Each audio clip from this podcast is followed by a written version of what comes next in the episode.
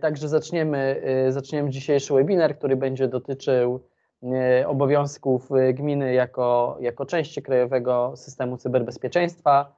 Ja się nazywam Jarosław Greser, jestem adwokatem, doktorem nauk prawnych, pracuję na, na Uniwersytecie im. Adama Mickiewicza w Poznaniu i na Politechnice Wrocławskiej, gdzie E, gdzie e, prowadzę zajęcia na, na kierunku cyberbezpieczeństwo i też e, praktycznie naukowo zajmuję się tą, tą tematyką, o której będziemy dzisiaj mówić. O czym będę mówił, czy, czy o, o czym będziemy dzisiaj rozmawiać? Mm, po pierwsze, chciałem pokazać, no jeżeli, jeżeli mówimy z perspektywy podmiotu publicznego, no to naszym, naszą kluczową taką sferą, w której się obracamy, tą sferą normatywną są akty prawne. Ja chciałem pokazać e, po pierwsze, jakie mamy źródła prawa, ale też jakie mamy relacje między tymi źródłami prawa, bo to często, często tak z mojego doświadczenia, jak rozmawiam z różnymi osobami w, w, różnych, nie tylko w organach administracji czy w samorządzie terytorialnym, gdzieś to się myli, gdzieś się coś, gdzieś e, jakieś powstają takie szumy informacyjne, to żebyśmy to sobie wyjaśnili. Druga kwestia to o czym mówimy, jak mówimy o Krajowym Systemie Cyberbezpieczeństwa. Trzecia, gmina jako operator usług kluczowych lub dostawca usług cyfrowych, czyli już będziemy się odnosić bezpośrednio e, do tych pojęć z Krajowego Systemu Cyberbezpieczeństwa. Kolejna kwestia, to już jest taka, taka twarda rzecz, czyli jestem gminą, to jakie mam obowiązki, co ustawodawca mówi, że że, że do moich obowiązków należy. No i ostatnia taka rzecz, o którą często jestem pytany, a czasami jako, jako pierwsze pytanie, e, jako pierwsze pytanie dostaję, czyli co mi grozi, jeżeli naruszę przepisy, też powiemy o tym, powiemy o tym kilka słów. E, no, spotykamy się w takim momencie trudnym z perspektywy, z perspektywy międzynarodowej, ale też, te, te, też dla nas wszystkich, ale też takim ważnym, jeżeli chodzi o cyberbezpieczeństwo. No, obserwujemy wszyscy sytuację, sytuację na Ukrainie i to, to, co tam się dzieje, i też bardzo łatwo zauważyć, że częścią tej wojny jest po pierwsze wojna psychologiczna, która toczy się bardzo mocno w internecie, ale po drugie tą wojną oprócz tego, że mamy takie konwencjonalne działania wojenne, jak przy użyciu żołnierzy i czołgów i, i, i transporterów opancerzonych, no to bardzo mocna jest aktywność w cyberprzestrzeni. E, część z Państwa pewnie to, to, to bardziej, e, bardziej monitoruje, część mniej. E, wiemy o tym, że rosyjską inwazję poprzedziły, poprzedziły cyberataki. Zresztą to nie były pierwsze ataki E, które były atrybuowane do Rosjan na, na Ukrainę, no bo jeden z najbardziej znanych ataków e, w 2016 roku na, na systemy energetyczne, który doprowadził do, do, do unieruchomienia i, i braku zasilania prądu dla ponad 300 tysięcy ludzi, to też na Ukrainie, to też było atrybuowane do, do rosyjskich grup.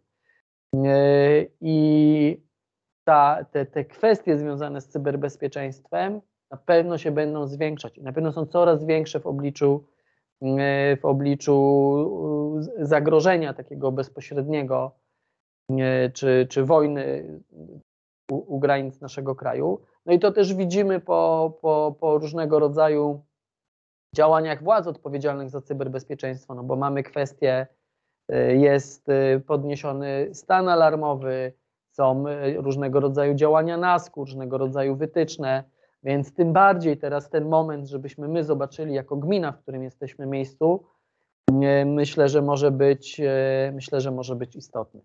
E, dobrze, no, pierwsza kwestia, czym jest, e, czym jest cyberbezpieczeństwo.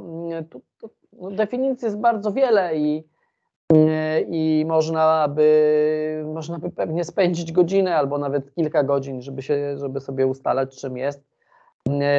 My w Polsce mamy dosyć taką łatwą albo, albo taką korzystną sytuację, ponieważ mamy definicję ustawową, co zwalnia nas od takiego od takiej konieczności interpretowania, czym to jest. Ta, ta, ta definicja jest y, w ustawie o Krajowym Systemie Cyberbezpieczeństwa i ona mówi, że cyberbezpieczeństwo to jest odporność systemów na działania naruszające poufność, integralność dostępność autentyczność przetwarzanych danych i usług oferowanych przez ten system.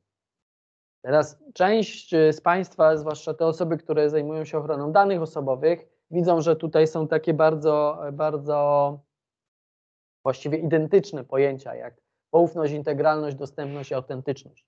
To nie jest przypadek, ponieważ e, oczywiście w, ochrona danych osobowych jest związana e, z cyberbezpieczeństwem, ale cyberbezpieczeństwo z pojęciem szerszym, bo ono nie dotyczy wyłącznie danych osobowych, ono dotyczy tego, że określone systemy, które działają w świecie cyfrowym, e, mają świadczyć swoje, swoje usługi.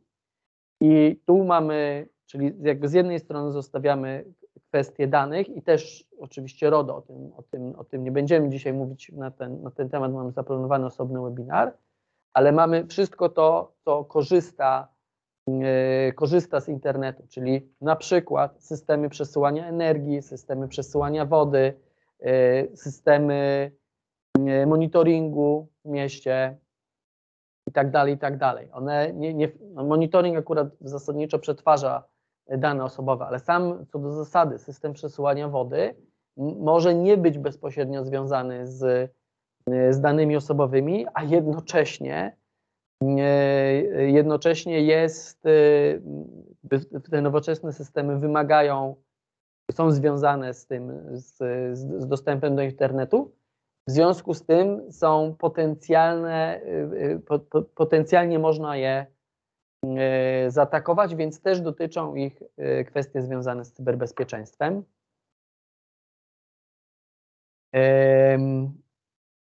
Trzy takie aspekty, na które trzeba zwrócić uwagę przy cyberbezpieczeństwie. Po pierwsze, jest to zawsze proces dynamiczny, czyli nigdy nie możemy powiedzieć, że jesteśmy cyberbezpieczni.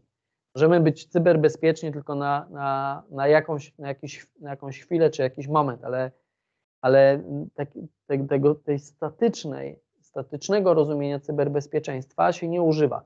Cały czas mówimy, że to się cały czas zmienia. Proszę zobaczyć, miesiąc temu, gdybyśmy rozmawiali, czy, czy dwa miesiące temu, byśmy zupełnie albo w dużo mniejszym stopniu brali pod uwagę ryzyko agresji ze strony yy, rosyjskich lub, lub, lub innych powiązanych z nimi yy, służb i to za, zarówno w zakresie wojny psychologicznej, jak i bezpośredniego ataku na infrastrukturę. Teraz my już musimy wziąć pod uwagę, że to jest bardzo wysokie ryzyko, zwłaszcza, zwłaszcza w obliczu zmieniającej się sytuacji politycznej i mocnego zaangażowania Polski we wsparcie yy, Ukraińców i, i też, też yy, osób, które, które uciekają z tego kraju. Druga kwestia to jest wieloaspektowość. Cyberbezpieczeństwo to nie jest kwestia techniczna, tylko. To jest kwestia techniczna, zarządcza, administracyjna, psychologiczna. To jest bardzo mocny aspekt związany z, z naukami społecznymi i też kwestia prawna, bo mamy, y, mamy akty prawne, które tego dotyczą. Dlatego mówi się o tym, że powinniśmy, że w tym nowoczesnym podejściu do cyberbezpieczeństwa powinno się odchodzić wyłącznie od spojrzenia na, na, na tą stronę techniczną, która oczywiście jest ważna, i czasami w konkretnych kontekstach może być dominująca, ale nie jest jedyna. Zwłaszcza jeżeli, e, zwłaszcza jeżeli bierzemy pod uwagę jednym z najczęściej e, wykorzystywanych ataków, czy, czy, czy wektorów ataków są ataki phishingowe, one nie tyle się opierają na kwestii technicznej, co typowo na kwestiach związanych z psychologią społeczną.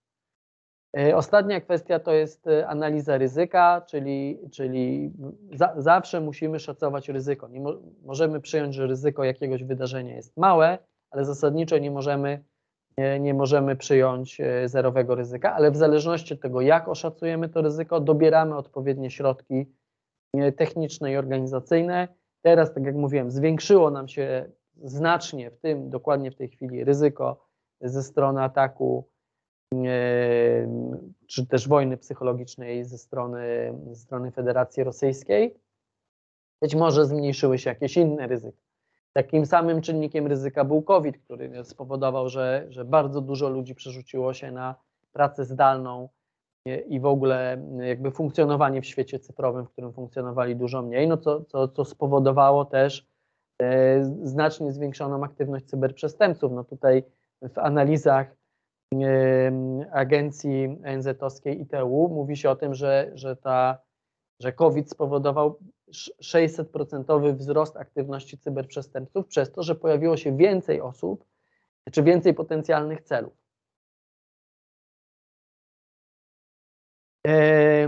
Dobrze, to, taka, to, to było takie ogólne zarysowanie e, tej kwestii związanej z, z cyberbezpieczeństwem. Też jakby to, to, do czego ja tutaj chcę się odnieść, to żeby pamiętać, że mamy tą definicję ustawową. Natomiast druga, druga taka też ogólna kwestia, czyli mamy ramy prawne dotyczące cyberbezpieczeństwa. To, co mamy w tej chwili, to jest dyrektywa NIS, akt o cyberbezpieczeństwie i różnego rodzaju wytyczne. I teraz, tak jak mówiłem na początku, żebyśmy mieli jasność co do tego, jakie są relacje między tymi aktami. Dyrektywa jest aktem prawa unijnego, który nie jest bezpośrednio stosowany w państwach członkowskich, w związku z tym musi być transponowany. W Polsce to transponowanie nastąpiło w formie ustawy o Krajowym Systemie Cyberbezpieczeństwa. E, I to nie dyrektywa jest bezpośrednio aktem, na który się powołujemy, tylko ustawa. Więc jeżeli my mówimy, jeżeli szukamy źródeł obowiązków gminy, to szukamy je w ustawie o Krajowym Systemie Cyberbezpieczeństwa. Drugim aktem jest akt o cyberbezpieczeństwie, to już jest rozporządzenie, czyli e, rozporządzenie unijne, czyli taki akt prawny, który jest bezpośrednio e, stosowany w państwach członkowskich bez konieczności transponowania. Natomiast sam akt o cyberbezpieczeństwie bezpośrednio nie nakłada żadnych obowiązków na gminy. On raczej reguluje e, kwestie z tym, e, jak, jak, jakie kompetencje i mandat ma Europejska Agencja Cyberbezpieczeństwa ENISA, co ona może, co powinna, co powinny robić kraje członkowskie. Więc tutaj ja wspominam o tym, bo, bo, bo często się mówi o tym, że jest coś takiego, jest akt o cyberbezpieczeństwie, tak brzmi też e, bardzo poważnie, ale co do, jeżeli, jeżeli mówimy o samej gminie, to nie szukamy tutaj źródeł. Ostatnią rzeczą są różnego rodzaju wytyczne. I teraz y, po pierwsze mamy te wytyczne dotyczące różnych aspektów i sektorowych, i w związku z określonymi sytua sytuacjami, różne aspektów cyberbezpieczeństwa. Niektóre z nich wydaje ENISA, one są dostępne na stronie internetowej tej agencji. Inne są wydawane przez różnego rodzaju organy w Polsce. Mamy też narodowe standardy cyberbezpieczeństwa. I teraz jaka jest relacja? Same wytyczne nie są źródłem prawa powszechnie obowiązującego. Czyli na podstawie wytycznych nie można nakładać obowiązku na jakiś organ e, czy na jakiegoś obywatela. Ale jednocześnie wytyczne doprecyzowują obowiązki, które są w, w, w ustawie e, o Krajowym Systemie Cyberbezpieczeństwa i pokazują też dobre praktyki w wielu dziedzinach i w przypadku, w sytuacji, gdybyśmy mieli do czynienia z naruszeniem poziomu cyberbezpieczeństwa, to na pewno analiza takiego incydentu będzie odnosiła się do wytycznych. Ile ktoś pyta mnie, czy ja muszę się stosować do wytycznych? Nie, nie musisz, ale powinieneś, bo te wytyczne po to są. Jeżeli się do nich nie stosujesz, to będziesz musiał jakby w razie jakiegoś problemu, uzasadniać, dlaczego tego nie robisz. Możesz wybrać inne, może, może wiesz lepiej, może chcesz mocniejsze, bo mm, czy, czy, czy nowsze zabezpieczenia wprowadzić, więc to jest ok. To, to nie jest tak, że to jest na sztywno.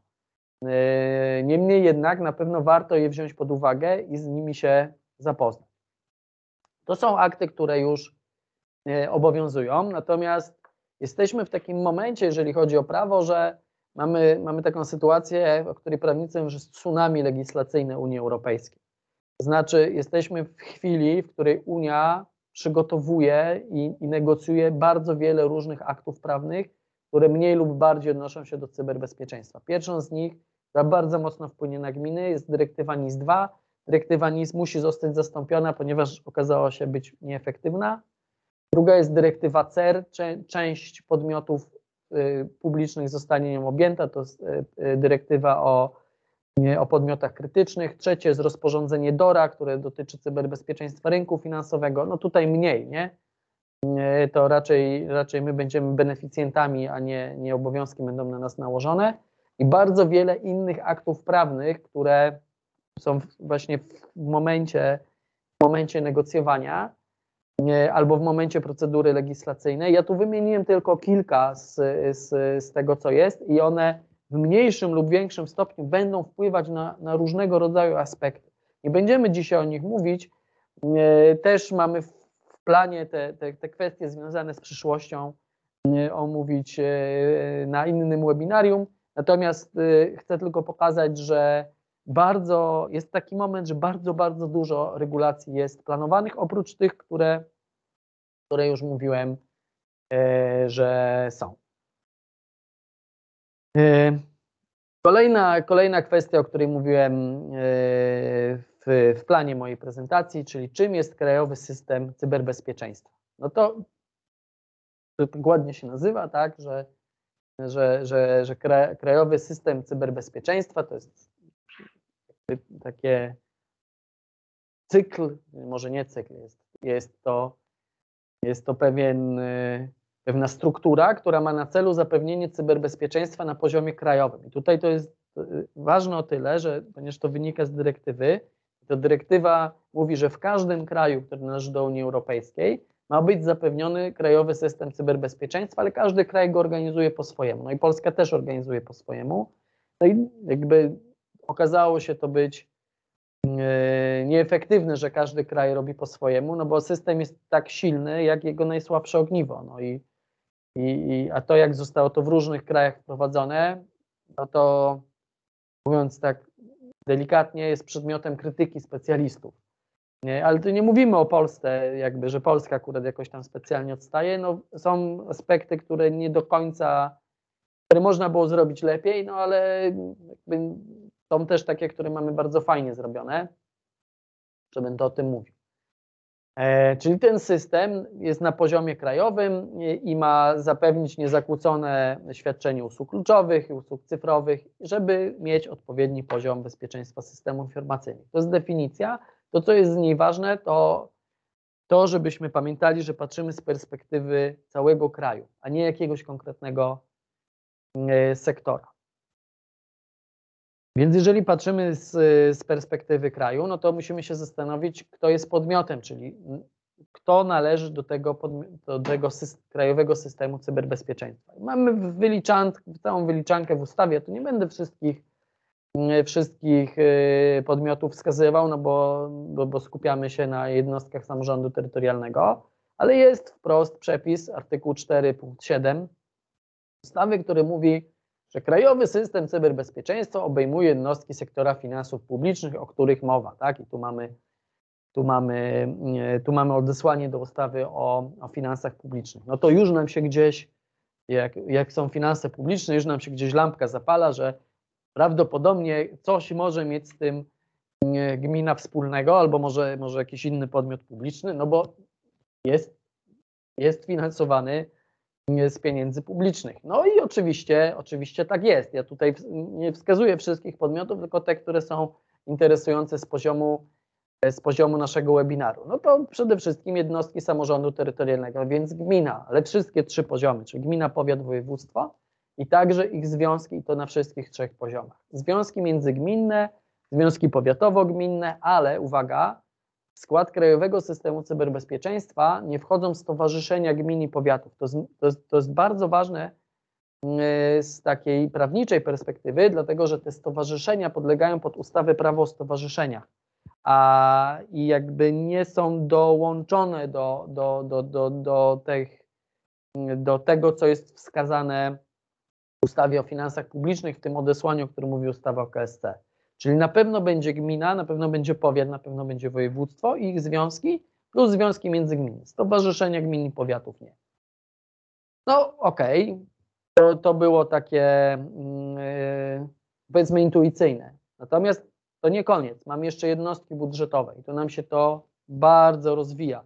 Im większa gmina, tym tych, tym tych jednostek yy, budżetowych czy, tam, czy różnych podmiotów może być może być więcej i one e, one też wchodzą w skład Krajowego Systemu Cyberbezpieczeństwa, czyli jak patrzymy na swoją gminę, to wiemy, że gmina jako ta osoba prawna plus jej wszystkie jednostki budżetowe plus samorządowe zakłady budżetowe. I tutaj to jest taka rzecz, taka rzecz, co do której pojawiają się największe wątpliwości, dlatego że dlatego że dlatego że mm, nie zawsze jesteśmy jakby świadomi, czy nie zawsze, nie, nie zawsze nam się w taki prosty sposób samorządowe zakłady budżetowe łączą z gminą. To też, to też zależy od, od konkretnej sytuacji, która, która jest związana, y, jak to w określonych gminach jest y, uregulowane i jakie są też struktury, jaki jest przepływ informacji i tak dalej, ale nie za, możemy to gdzieś pominąć, a to jest super ważne, żeby pamiętać o tych samorządowych zakładach budżetowych, szczególnie, że no jakby mamy ich bardzo czy, czy jest bardzo szerokie spektrum y, takich, takich podmiotów, które mogą powstać. No tu, tutaj pokazuję kilka przykładów, czyli zakłady do obsługi gospodarki mieszkaniowej, dróg ulic, mostów, bardzo ważne kwestie związane z wodociągami, kanalizacją, ścieki, wysypiska, energia cieplna, czyli, czyli te podmioty krytyczne, które, co do których, tak jak, jak patrzymy z poziomu cyberbezpieczeństwa, one są szczególnie ważne w tym, E, w tym e, systemie i są też potencjalne podatne, podatne na atak ze względu na skutki, które, których jakby zatrzymanie e, takich, takich zakładów może wywołać. Lokalny transport zbiorowy, również targowiska, hale, pomoc społeczna, utrzymywanie różnych gatunków zwierząt, czyli mówiąc wprost zoo. No, nie każda gmina ma, ale, ale, ale niektóre mają i cmentarze. E, więc e, tych, e, ja tutaj cofnę, tych samorządowych zakładów budżetowych możemy mieć w gminie bardzo dużo na bardzo różnym poziomie. Musimy brać pod uwagę, że one należą i do Krajowego Systemu Cyberbezpieczeństwa i one będą w tym sensie, w tym systemie niezależne od gminy, czyli gmina będzie osobnym podmiotem KSC, a, a zakład y, dróg miejskich będzie osobnym podmiotem. No i do tego oczywiście spółki prawa handlowego wykonujące zadania o charakterze użyteczności publicznej, czy tak zwane spółki komunalne, więc niezależnie od tego, czy my jako gmina zdecydowaliśmy się na to, że powołujemy zakład, który obsługuje mm, na przykład cmentarz albo na przykład obsługuje transport w gminie, czy powołaliśmy spółkę prawa handlowego i, i to ona robi. Ważne, że wykonuje zadania o charakterze użyteczności publicznej, według ustawy, do której się tutaj odnoszę, że jak będziemy robić analizę ryzyka dotyczącą Krajowego Systemu Cyberbezpieczeństwa, to po prostu mapujemy sobie wszystko, wszystkie, wszystkie podmioty, o których wymieniłem i dopiero potem robimy, odnosimy się do analizy w tym e, zakresie. Teraz y, kolejny aspekt, czyli gmina jako operator usług kluczowych i, gmina jako operator usług cyfrowych. Pojęcie operatora usług kluczowych jest, tutaj będzie takie idem per idem, kluczowym pojęciem dla, dla, dla tej ustawy i proszę też zobaczyć, jaka jest definicja. Usługa kluczowa to jest usługa, która ma kluczowe znaczenie. No, jest to oczywiście, e, jest to oczywiście taki no, no błąd logiczny, nie? czy tłumaczenie tego samego przez to samo. Natomiast gdybyśmy, gdybyśmy na, to, na to tak e, po prostu spojrzeli e, z metapoziomu, to ustawodawca pomyślał sobie tak, że, że to dotyczy takich najważniejszych takich, takich usług, to jeżeli ich, ich świadczenie zostanie przerwane, będzie to miało bardzo duży negatywny e, skutek na, na ludzi lub na działalność gospodarczą. Przy czym ta, ta działalność społeczna tak mocno się, e, mocno się na pierwszy plan wysuwa. To są takie rzeczy. No i, no i ustawodawca je wymienia załączniku do ustawy, który się nazywa Wykaz Usług Kluczowych. I tam są wymienione takie kwestie jak przesył gazu, y, przesył energii elektrycznej, y, ropa naftowa i, i, i rzeczy związane z jej magazynowaniem i przesyłem, y, zaopatrzenie zbiorowe w wodę i tak dalej. Nie? Czyli widzimy, mamy, mamy taką sytuację, że jeżeli nie będziemy, nie, nie zaopatrzymy ludzi w wodę i w ścieki, no to to może doprowadzić do, do ogromnych skutków w postaci yy, jakiejś skrajnej, tak, epidemii na przykład. Yy, jeżeli, to, jeżeli ta sytuacja będzie miała miejsce yy, długo. Natomiast ustawa mówi, że operatorem usługi kluczowej, czyli tym podmiotem, na który nałożone są określone obowiązki, jest podmiot, o którym mowa w załączniku numer 1 do ustawy, tam są wymieniający posiadający jednostkę organizacyjną na terytorium Rzeczpospolitej Polskiej, ok, no to jakby powiedzmy, że oba te warunki można spełnić. Natomiast jest jeszcze trzeci warunek, wobec którego organ właściwy do spraw cyberbezpieczeństwa, najczęściej to będzie, to będzie któryś z ministrów, wydał decyzję o uznaniu e, za operatora usługi kluczowej. Teraz proszę zobaczyć, nikt, dlaczego to jest ważne z perspektywy gminy? Gmina nie staje się z mocy prawa operatorem usługi kluczowej. E, nawet jeżeli mamy, nawet jeżeli mamy spółkę wodociągową, to ona też z mocy prawa, 100% należy do gminy, ona z mocy prawa, mimo że należy do Krajowego Systemu Cyberbezpieczeństwa, to co mówiłem wcześniej, ale z mocy prawa nie staje się, nie staje się operatorem usługi kluczowej, więc nie, nie ma takiej sytuacji, że są nałożone obowiązki, a my o tym nie wiedzieliśmy, bo sobie nie doczytaliśmy w ustawie. W Polsce jest zupełnie inna konstrukcja. Żeby te obowiązki nałożyć, musimy dostać decyzję administracyjną. I tu mamy normalnie, mamy dokładnie taki tryb, jak jest w kodeksie postępowania administracyjnego, czyli dostajemy decyzję. Tutaj taki wyjątek, ona jest y, z rygorem natychmiastowej wykonalności, ale oczywiście możemy ją zaskarżyć. I teraz, jeżeli chcemy się dowiedzieć, czy jesteśmy operatorem usług kluczowych, to musimy sprawdzić, czy taką decyzję dostaliśmy.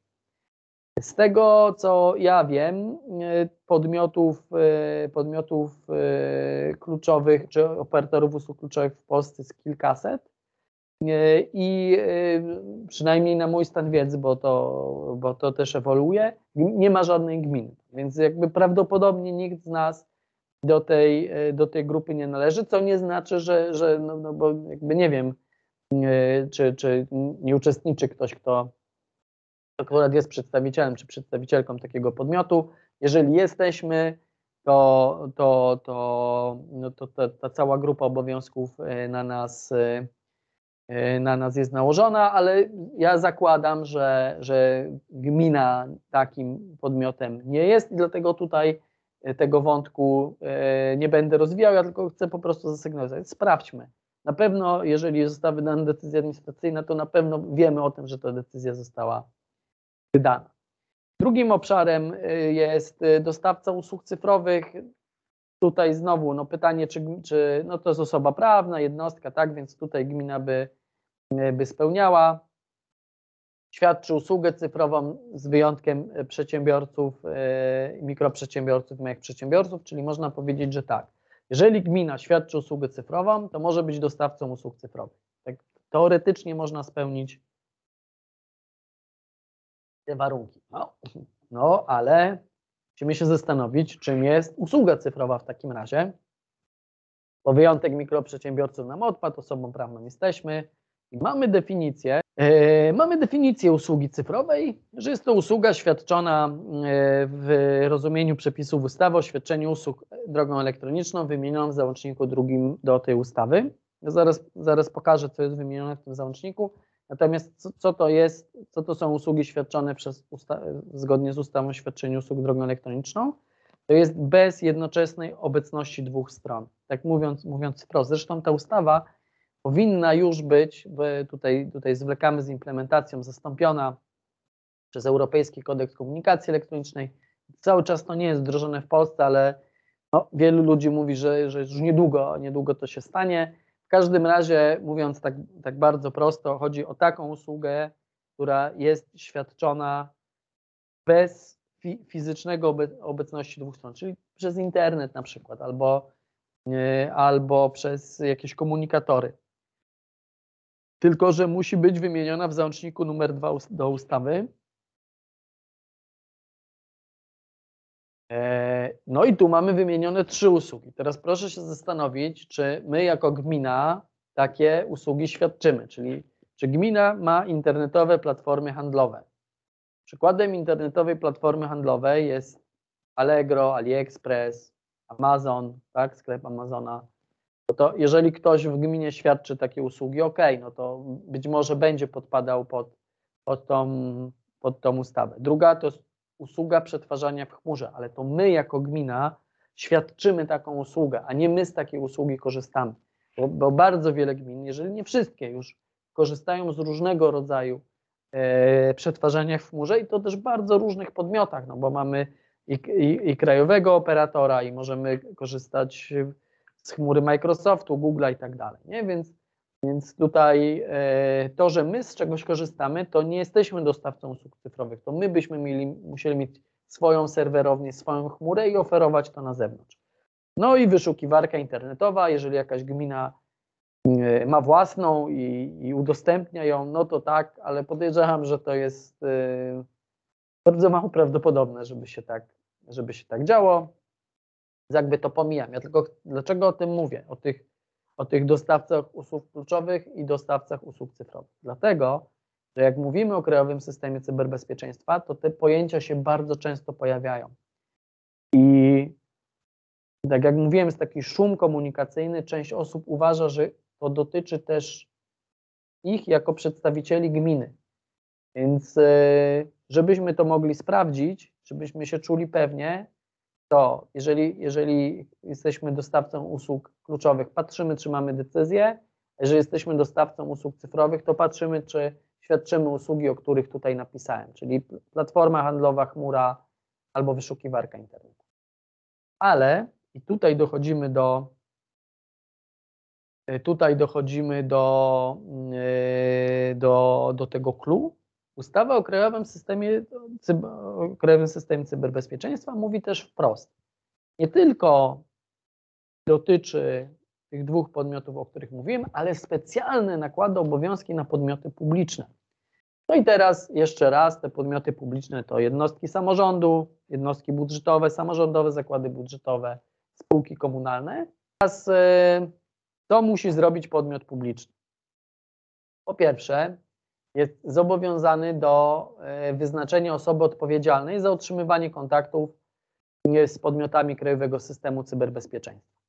Czyli na poziomie podmiotu publicznego, czy tych, tych, o których cały czas mówimy, musi być ktoś, kto, z kim będzie się można skontaktować w przypadkach czy w sprawach związanych z cyberbezpieczeństwem.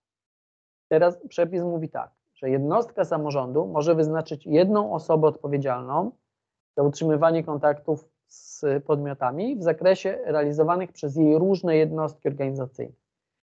E, natomiast no może być to jedna osoba, no, ale na co tutaj trzeba zwrócić uwagę? Możemy wyznaczyć jedną osobę, tylko, e, tylko żeby ta osoba e, była zorientowana nie tylko w takich kwestiach technicznych, ale też kwestiach organizacyjnych.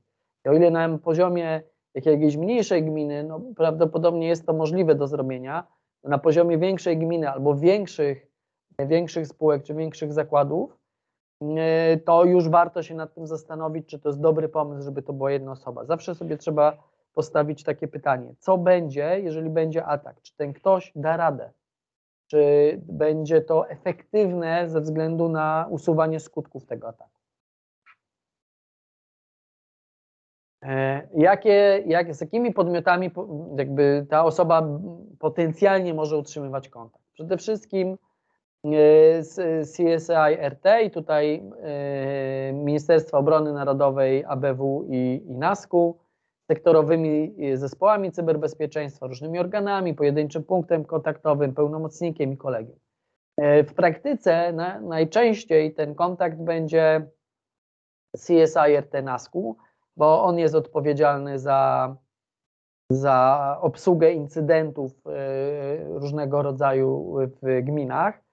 I, i teraz, e, czyli oni mogą się w różnych sprawach z nami kontaktować. Mogą się kontaktować nie tylko w sprawach związanych z, już z jakimś atakiem, ale mogą na przykład przekazywać informacje o tym, że jest jakaś podejrzana aktywność albo y, wykryto, y, wykryto jakieś y, mikronieprawidłowości albo wykryto skanowanie albo mogą zapraszać na szkolenia, mogą przesyłać wytyczne, tak jak teraz.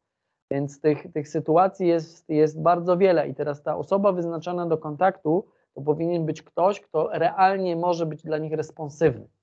Czyli oczywiście możemy, możemy wyznaczyć osobę w sekretariacie, albo nie wiem, możemy wyznaczyć burmistrza czy wójta, no tylko jest pytanie, jak bardzo to, jak bardzo to będzie efektywne. No bo tutaj ustawa, ustawa nie mówi nam, że to musi być ktoś konkretny, czy zajmują, zajmować konkretne stanowisko, czy mieć konkretne wykształcenie, yy, czy, czy doświadczenie, tylko mówi, że musi być taka osoba do kontaktu.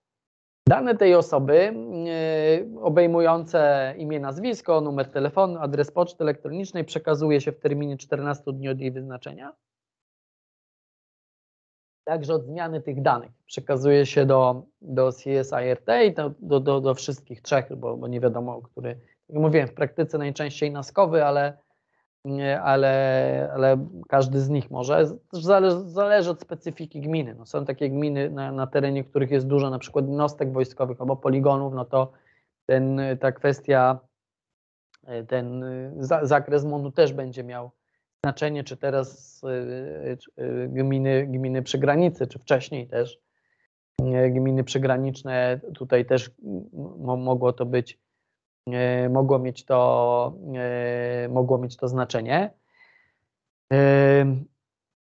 Jaki podajemy numer telefonu i adres poczty elektronicznej? Można podać służbowy, można podać prywatny, taki, żeby można było się z tą osobą skontaktować. Ja tutaj chcę zwrócić uwagę, że o ile, o ile pocztę elektroniczną no raczej podajemy raczej podajemy służbową, to z numerem telefonu to jest oczywiście do, do ustalenia, natomiast trzeba pamiętać, że kwestie cyberbezpieczeństwa zazwyczaj wykraczają poza godziny pracy. Czyli jak pracujemy od 7.30 do 15.30 i, i, a mamy telefon stacjonarny na biurku, to no i wiadomo, że jesteśmy w biurze w weekendy, to, to może być bardzo kłopotliwe, jeżeli podamy taki właśnie numer telefonu. Natomiast nie ma, nigdzie nie jest napisane, że to musi być prywatny. Ale naprawdę zachęcam do tego, żeby to było zrobione w taki sposób, żeby, żeby w kryzysowej sytuacji można było się z tym kimś E, skontaktować. Forma prawna wyznaczenia. Nie jest to wyraźnie wskazane w ustawie. Czyli, yy, czyli nie mówimy, że to jest powołanie, że to jest, nie wiem, um, w umowie o pracę. Może być, może być w bardzo różnych formach. W zależności od tego, jak, jak my mamy to w gminie uregulowane, no, czyli w zależności od tego, jak prawnicy i sekretarz gminy tutaj e, takie, takie kwestie chcą uregulować, może być, no, no, no, może być w każdej formie. Natomiast musi być wyraźnym oświadczeniem woli tego podmiotu. To znaczy, gmina musi jasno wskazać, wyznaczamy pana czy panią do kontaktu. E, w związku z tym będzie pan czy pani miał obowiązek ten w razie, w razie potrzeby ten kontakt prowadzić, bo proszę pamiętać, że ten kontakt jest dwustronny. To nie jest tylko tak, że Y, że oni do nas nadają. My też do nich nadajemy. Czyli na przykład sami zauważyliśmy atak, albo mamy, mamy ransomware, nie działa nam system, to my ich powiadamiamy. Niezależnie od formuły wyznaczenia, czyli, czyli nieważne, czy to jest w umowie o pracę, zlecenia, nie wiem, czy, czy, czy powołania, czy, czy, czy cokolwiek, Warto w takim, w takim akcie czy, czy, czy w takiej umowie określić zasady albo procedury realizacji zobowiązania.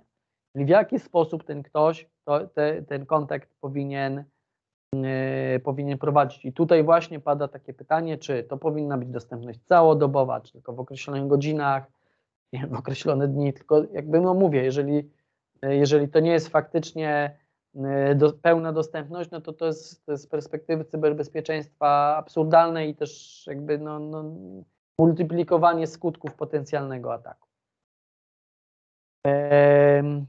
Co w przypadku, y, co w przypadku, kiedy osoba formalnie niewyznaczona y, kontaktuje się z, z, z podmiotami Krajowego Systemu Cyberbezpieczeństwa. To jest możliwe. Nie jest, nie jest wskazane, że, że musi to być zawsze, zawsze ten tylko jeden człowiek. Tutaj ważniejsza jest skuteczność, ta prakseologiczna kwestia, czyli jeżeli, nie wiem, ktoś jest akurat, ta osoba wyznaczona na urlopie albo, albo ciężko zachorowała, a coś się dzieje, to może się skontaktować ktoś inny. Nie ma z tym specjalnego problemu. Natomiast y, pojawiają się też w tym kontakcie takie kwestie związane z tajemnicą służbową, zawodową lub z innymi tajemnicami. To też będziemy mówić e, w tej drugiej części. No i kwestie związane z przetwarzaniem danych osobowych, no bo mamy taką zazwyczaj w związku z incydentami jakieś kwestie związane z danymi osobowymi nam się pojawiają. E, problemy interpretacyjne.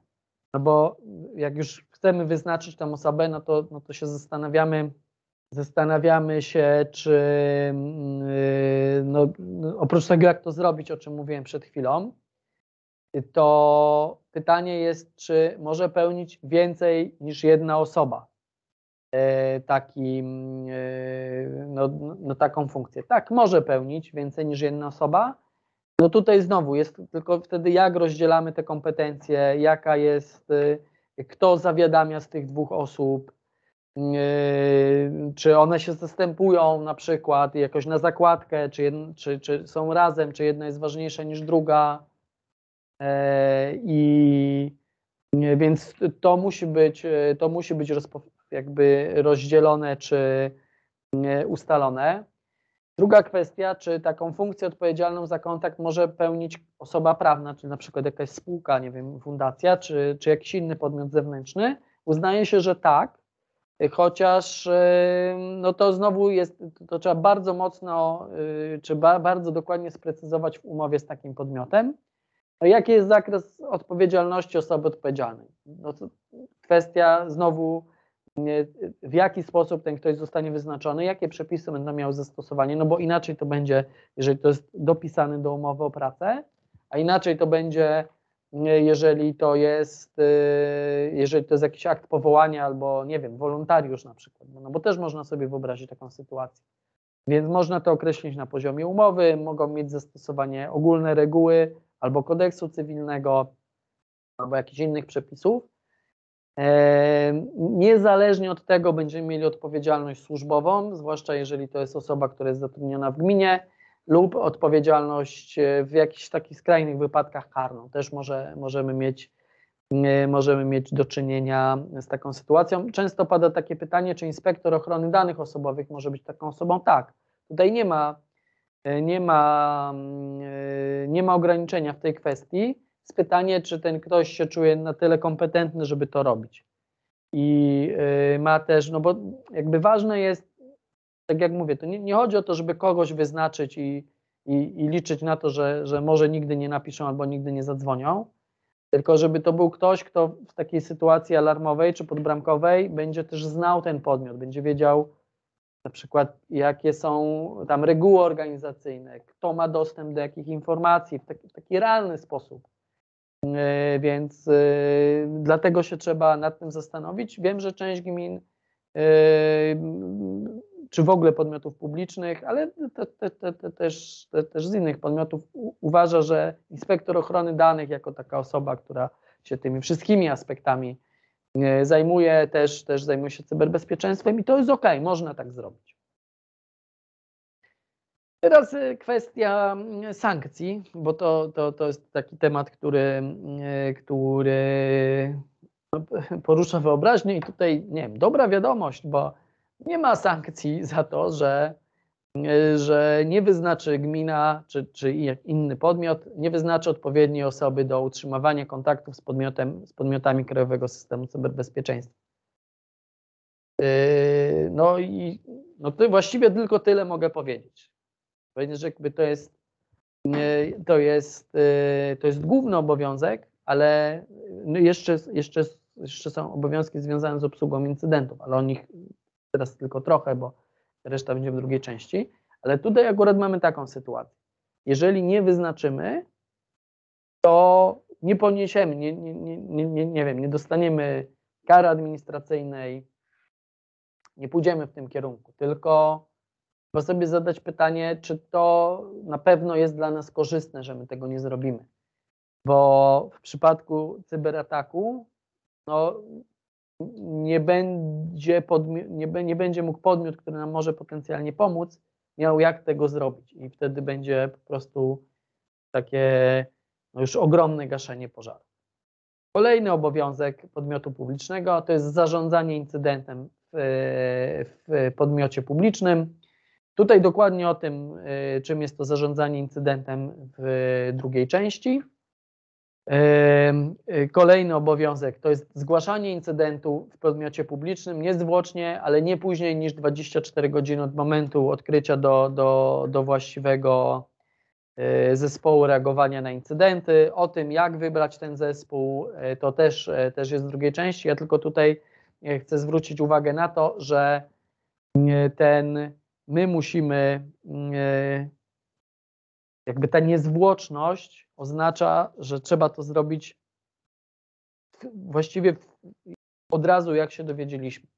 Natomiast e, biorąc pod uwagę, że, że, te, że, że ma, mamy te, mm, no może być to na przykład utrudnione ze względu na fakt, że nie wiem, nie działa nam poczta służbowa, E, to ustawodawca tu przewidział te 24 godziny, ale też od momentu wykrycia, no bo jeżeli mamy, mamy jakiś atak i ktoś nam się dostał do systemu w drodze phishingu, no możemy to odkryć za kilka miesięcy, albo, no albo może nawet, nie wiem, za kilka lat w jakichś takich skrajnych, skrajnych wypadkach. No i tutaj to nie jest tak, że my jesteśmy w jakiejś e, jakoś, nie wiem, szczególnie złej sytuacji, bo jeden z największych ataków, czyli, czyli tak zwana afera Solar Wind, która miała miejsce w tamtym roku w grudniu i dotyczyła 400, 400 z listy 500 największych firm na świecie globalnie.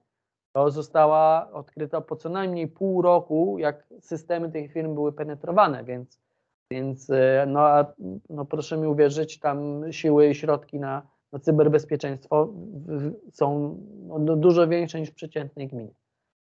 Natomiast to, o czym należy pamiętać, to te 24 godziny, to, to, to jest oczywiście termin e, instrukcyjny, ale zupełnie osobna kwestia, to też będę mówił w tej drugiej części, to są kwestie związane z Urzędem Ochrony Danych Osobowych. Zgłoszenie jest przekazywane w postaci elektronicznej, a jeżeli nie ma takiej możliwości właśnie ze względu na, na to, że na to, że na przykład jesteśmy zablokowani, to w inny, in, inny sposób. E, trzeba przekazać e, tajemnice prawnie chronione w zgłoszeniu, bo może być to niezbędne dla, dla, dla jego rozpatrzenia. Tutaj mamy taką specjalną, specjalną klauzulę, dotyczy to, dotyczy to różnych tajemnic. Jeżeli mamy tajemnicę przedsiębiorstwa, to w tym zgłoszeniu trzeba to oznaczyć. I to jest o tyle ważne, że jeżeli my tego nie oznaczymy, to zespół reagowania na incydenty nie, nie będzie tego traktował jak tajemnicę przedsiębiorstwa, w związku z tym jakby my jako gmina narażamy się na odpowiedzialność cywilnoprawną za ujawnienie, e, za ujawnienie tajemnicy. Więc tutaj też po prostu no, no, ja rozwinę to w drugiej części, wiedzieć czym jest tajemnica, jak to oznaczać i tak dalej, ale bardzo na to uczulam, yy, zwłaszcza tam, gdzie byłyby ataki na takie kwestie związane na przykład z przetargami y, albo z, z, z jakiegoś innego rodzaju tajemnicami przedsiębiorstw. Y, os, y, ostatnia, ostatni obowiązek, który jest nałożony na podmioty publiczne, to zapewnienie osobom, na rzecz których zadanie publiczne jest realizowane, wiedzy stosownej do, do zagrożeń i stosowanie skutecznych sposobów zabezpieczenia się nimi. Czyli tutaj jest taki obowiązek, który mówi, mówmy naszym obywatelom, czy naszym, naszym klientom, czy, czy petentom, że słuchajcie, jeżeli robicie coś przez internet, to jest to potencjalnie niebezpieczne i jak możecie się temu, yy, temu zapobiec. No jak, tutaj, jak to robić, to, to zależy od, od, każdego, od każdego podmiotu yy, z osobna.